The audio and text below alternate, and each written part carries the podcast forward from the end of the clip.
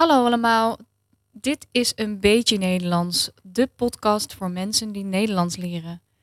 Mijn naam is Yvette en vandaag gaan we het hebben over fietsen. De tekst van deze aflevering kun je meelezen op onze website eenbeetjenederlands.nl. Ook als je vragen of opmerkingen hebt over deze aflevering, kun je ze naar mij sturen via de website. In de show notes vind je de link. Je kan nu vriend van de podcast worden via onze website. En vanaf dit seizoen krijgen vrienden extra voordelen. Voor een paar euro per maand krijg je toegang tot extra afleveringen, hulpmiddelen bij iedere aflevering en nog veel meer. Check de website voor meer informatie. Nu door naar de podcast.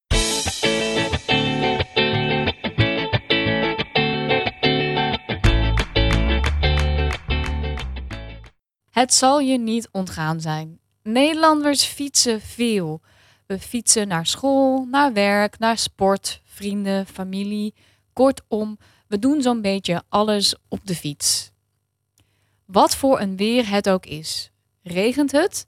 Daar hebben we een regenpak voor. Boodschappen meenemen? Daar hebben we een bagagedrager of fietstassen voor. Kind mee? Daar hebben we een kinderzitje voor. Alles kan op de fiets. Maar hoe is dat zo gekomen? In deze aflevering fietsen we door alle informatie heen over het typisch Nederlandse vervoermiddel, de fiets. Ik begin even met een paar feitjes. Nederland telt zo'n 23 miljoen fietsen. En vergeet niet, er wonen maar 17 miljoen mensen in dit land. Alle fietspaden bij elkaar zijn zo'n 35.000 kilometer. Nederlandse steden zijn enorm fietsvriendelijk. In Amsterdam vindt zo'n 60% van alle verplaatsingen op de fiets plaats. Zometeen vertel ik je meer over waarom fietsen zo populair is in Nederland, maar eerst iets over de geschiedenis van de fiets.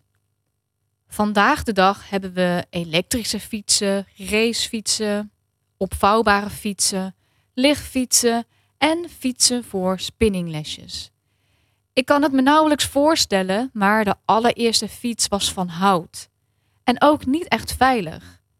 Deze houten fiets komt uit 1817, had geen pedalen, dat noemen we ook wel trappers, en had een houten balk om op te zitten. Het was dus een soort loopfiets. Vanwege het hoge aantal botsingen met voetgangers werd de fiets op veel plekken verboden. In 1860 komt de eerste ijzeren fiets met pedalen op de markt. Ook heeft deze fiets een groter voorwiel om zo sneller te kunnen zijn. Maar de fiets is heel erg zwaar, zo'n 50 kilo. En even ter vergelijking, een gemiddelde fiets vandaag weegt tussen de 16 en 21 kilo. En omdat de wielen hard waren, voelde je elke hobbel in de weg en die waren er nogal. Niet erg comfortabel dus. En de fiets was daarom nog niet direct populair als vervoermiddel. Een echte gamechanger werd in 1870 geïntroduceerd. Deze fiets had metalen wielen met rubberen banden en een kettingaandrijving. Dit fietste een stuk makkelijker en je ging een stuk sneller. Maar ook deze fiets had een enorm voorwiel, waardoor je een trapje nodig had om op het zadel te kunnen gaan zitten. En omdat vrouwen in die tijd geen broek mochten dragen, waren de fietsen voor hen op dat moment nog onbruikbaar. Ze konden er gewoonweg nog niet op zitten. In 1890 vond een ware fietsrage plaats, toen de fiets zoals we die vandaag de dag kennen uitgevonden werd. De wielen werden even groot, het framen werd ook veiliger. Als fietser zat je nu iets meer naar achteren tussen de wielen. Dit maakte fietsen een stuk veiliger. En de komst van deze variant betekende veel voor de vrijheid van vrouwen. Zij konden deze fiets namelijk besturen met hun lange rokken aan en dat gaf ze veel vrijheid om zich te verplaatsen. In Nederland was de fiets in die tijd nog echt een luxe item. Dit veranderde rond de eeuwwisseling met de introductie van de zogenaamde volksfiets. Een eenvoudige maar sterke fiets die betaalbaar was voor meer mensen. Bekende Nederlandse fietsmerken als Gazelle en Batavus werden rond deze tijd opgericht en bestaan nu nog steeds. In de 20e eeuw veranderde er veel. Fietsen werden van andere materialen gemaakt en waren daardoor een stuk lichter. Het werd populair om je op die manier te verplaatsen en fietsen werd ook een sport. Denk aan mountainbiken en wielrennen. In 1903 vond bijvoorbeeld de eerste Tour de France plaats. Een grote wielerronde door Frankrijk die inmiddels is uitgegroeid tot een van de grootste sportevenementen van het jaar. Tijdens de Tweede Wereldoorlog werden veel fietsen in beslag genomen door de nazi's. Zo'n 100.000 fietsen in totaal. Er was in die tijd een tekort aan brandstof ontstaan en daarom was fietsen een handige manier om je te verplaatsen. Door fietsen in beslag te nemen maakten de bezetters het, het Nederlandse verzet moeilijker om zich te verplaatsen. En het was een manier voor de naties zelf om zich te verplaatsen. Ook al was er een bevel om de fietsen in te leveren, veel Nederlanders hielden hun fiets verborgen. Na de bevrijding in 1945 was er een enorme vraag naar fietsen en bloeide de fietsindustrie op. Dit is ook de periode dat de eerste fietspaden werden aangelegd. Na de oorlog ontstond de uitspraak: Eerst mijn fiets terug. Daarmee liet iemand zijn of haar anti-Duitse gevoelens zien. Geef eerst maar mijn fiets terug, daarna kunnen we praten. Dat was de instelling van veel Nederlanders direct na de oorlog, wanneer ze een Duitser tegenkwamen. Maar tegenwoordig speelt dat bijna niet meer. Rond de jaren 50 en 60 werden auto's heel populair, ook in Nederland. En waren er plannen om grote steden zoals Amsterdam en Den Haag volledig om te gooien, zodat er meer ruimte was voor auto's. Er waren zelfs plannen om een van de grachten in Amsterdam dicht te gooien en een snelweg midden in de stad aan te leggen. Dit plan viel niet bij iedereen in de smaak, onder andere niet bij de provo's. Dat was in de jaren 60 een anarchistische groep in Amsterdam die vooral jongeren aansprak. Toen zij zetels in de gemeenteraad van Amsterdam kregen, vochten ze tegen dit nieuwe autobeleid. De fiets werd hierdoor een belangrijk symbool voor die beweging. Je zou kunnen zeggen dat er in Nederland een ware fietsrevolutie plaatsvond rond 1970. Mensen raakten in die tijd meer bewust van het milieu. Er vonden autovrije zondagen plaats.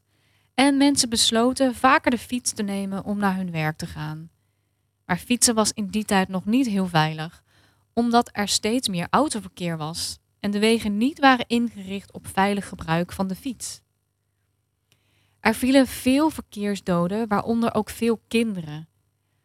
De stichting Stop de Kindermoord werd opgericht, met als doel Nederland zo in te richten dat het verkeer ook veilig zou zijn voor jonge verkeersgebruikers. De fietsinfrastructuur werd in deze tijd enorm verbeterd. Parkeren werd op sommige plekken heel duur gemaakt.